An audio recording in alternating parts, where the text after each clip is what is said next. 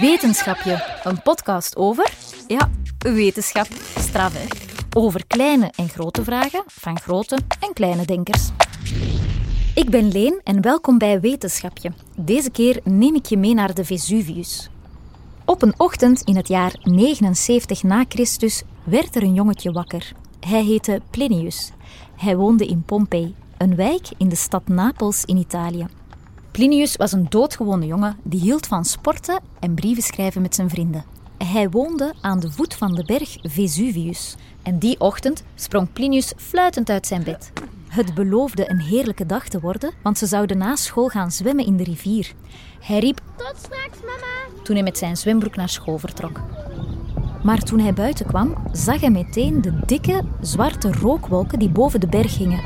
Het leek wel of de berg van binnen in brand stond. Kort na de middag brak de hel los in Pompeii. De vulkaan barstte een eerste keer uit. Een gigantische aswolk verspreidde zich en het regende vuur in Pompeii. Een dag later volgde er een tweede uitbarsting met gloeiend hete wolken. Alles wat die wolken op hun weg tegenkwamen werd verwoest. De uitbarsting legde Pompeii in een mum van tijd in de as. 25.000 mensen kwamen om het leven. Plinius gelukkig niet. Ook al begreep hij helemaal niet waarom een berg plots vuur kon spuwen, hij begreep wel dat hij de stad uit moest, weg van die berg. En van op een veilige afstand keek hij toe en noteerde in zijn brieven wat hij zag gebeuren en alle vragen die hij had. Zat er een meer van vuur onder de aarde? Was er een vuurgod die alles in gang zette? Leefde hij eigenlijk op een gigantische vuurbal? Leefde er misschien een vuurspuwend monster in de berg? Leeft er een vuurspuwend monster in een vulkaan? Of is dit een grapje? Luister mee naar dit wetenschapje. Elke keer als wij veldwerk doen, is dat achteraf nieuwe schoenen kopen, want ze zijn kapot. Dit is Sam Poppen. Sam is vulkanoloog. Wij bestuderen vulkanen, activiteit van vulkanen. Ja. Vreemd eigenlijk, want in België zijn er helemaal geen vulkanen.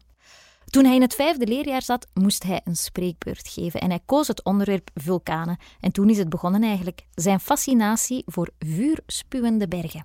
ja, die eerste vulkaan waar ik ooit op gewerkt heb, is mijn lieveling. Dat is Kartala-vulkaan op de Comoreneilanden. Wauw, dus Sam heeft al eens op een vulkaan gestaan. Cool!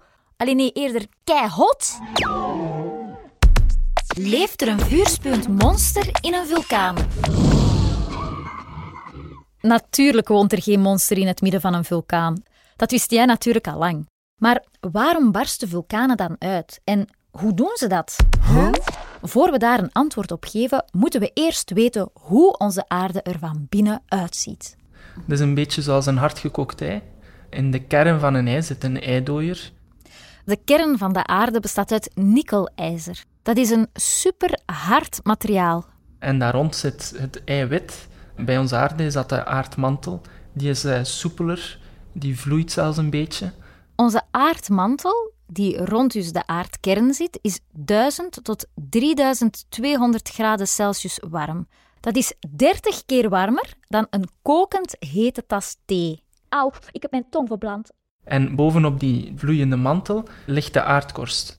De aardkorst is eigenlijk de schaal van het ei, maar die is in verschillende stukken gebroken. En die stukken noemen we aardplaten. En die aardplaten bewegen ten opzichte van elkaar. Dat zijn eigenlijk puzzelstukken. Het is juist waar twee van die aardplaten langs elkaar bewegen, dat magma, Ah ja, we gaan straks nog uitleggen wat magma precies is. dat magma eigenlijk uit de mantel naar het oppervlak kan komen. En er zo dus vulkanen ontstaan, op de grens van twee aardplaten.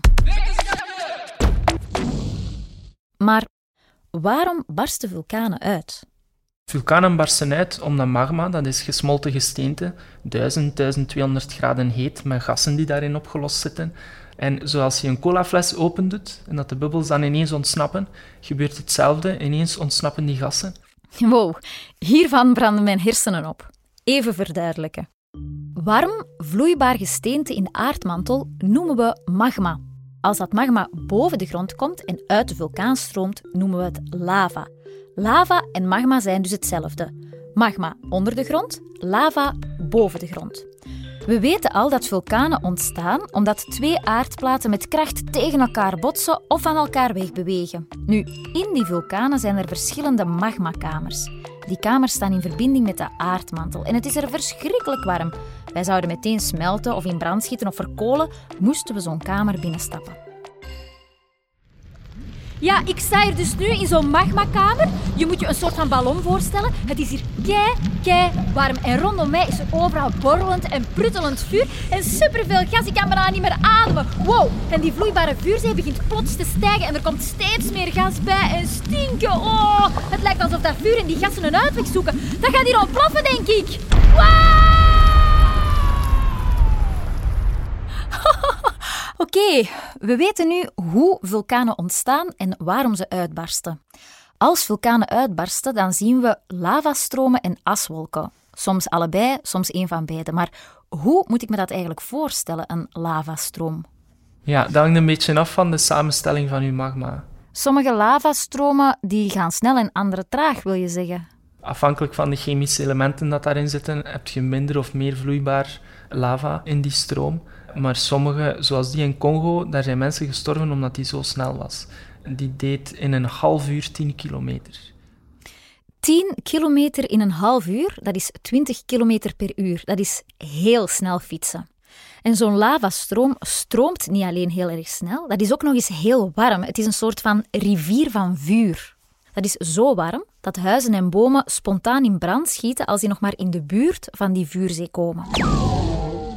En zo'n aswolk die je soms boven een vulkaan ziet, wat is dat dan precies? Dat is een muur van glasdeeltjes, stenen zo groot als auto's soms, hete gassen. En die wolk is 800 à 1000 graden heet en dat komt op je af met meer dan 200 km per uur. Dat is een muur van 10, 20, 30 meter hoog. Als, als je daarin zit, dan is het gedaan, ja. Wow, het waren dus die aswolken die Plinius zag toen hij van op een veilige afstand toekeek wat er met zijn stad gebeurde. De angst greep hem om de keel, want het regende stenen in zijn stad. En de huizen die sprongen spontaan in brand. De mensen probeerden met duizenden al gillend de stad te ontvluchten. Sommigen per boot richting de zee en anderen met paard en kar. Maar weinigen van hen haalden het. Plinius bleef wel dapper toekijken en noteren. En het is dankzij hem en zijn brieven dat we nu nog zoveel weten over de uitbarsting van de Vesuvius. Die moet gigantisch zijn geweest.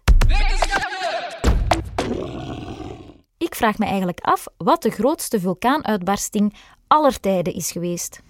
De grootste die we echt zelf gezien hebben was in 1815. Uh, Tambora in Indonesië. Dat was gigantisch. Dat was een, bijna een supereruptie. Een supereruptie is eigenlijk een moeilijk woord voor een gigantische uitbarsting. Mhm. En de grootste die ooit gebeurd is, is meer dan een miljoen jaar geleden en dat was Yellowstone in, uh, in Amerika, in de Verenigde Staten. Dat is duizend kubieke kilometer aan gesteente die in één uitbarsting de lucht ingaat. Wow, gelukkig leefden er toen nog geen mensen. Duizend kubieke kilometer, dat is gigantisch veel. Beeld je een kubus in van 10 kilometer lang, 10 kilometer hoog en 10 kilometer diep. 10 kilometer dat is ongeveer de afstand die je loopt op één uur tijd. Doe die kubus vol met lava en gesteente en gas. En zoveel werd er dus in één uitbarsting de lucht ingespoten in Yellowstone. Dat moet gigantisch geweest zijn. We weten nu hoe onze aarde er van binnen uitziet, hoe vulkanen ontstaan en waarom ze uitbarsten. En Leeft er een vuurspuwend monster in een vulkaan? Mocht jij nog een vraag hebben, stel ze gerust aan leen.geluidshuis.be. En wie weet ga ik wel op zoek naar het antwoord. Dit was Wetenschapje met Sam Poppen als vulkanoloog. Wetenschapje is een productie van het Geluidshuis. Klank en muziek zijn gemaakt door Bram Kouwmans. Concept en regie door Leen Renders. Met extra hulp achter de schermen van Katarina Martinowski, anders met Pieter Jan Vinks en Koen Brandt. Heb je genoten van deze aflevering? Geef dan een score of laat een recensie achter. Zo vinden anderen ook de weg naar deze podcast. Op wetenschapje.be vind je meer info en onze andere producties, zoals de heerlijke hoorspelen. Dag wetenschappers, tot snel! Zeg Bram, doe jij nog even het licht uit? Oké, Leen.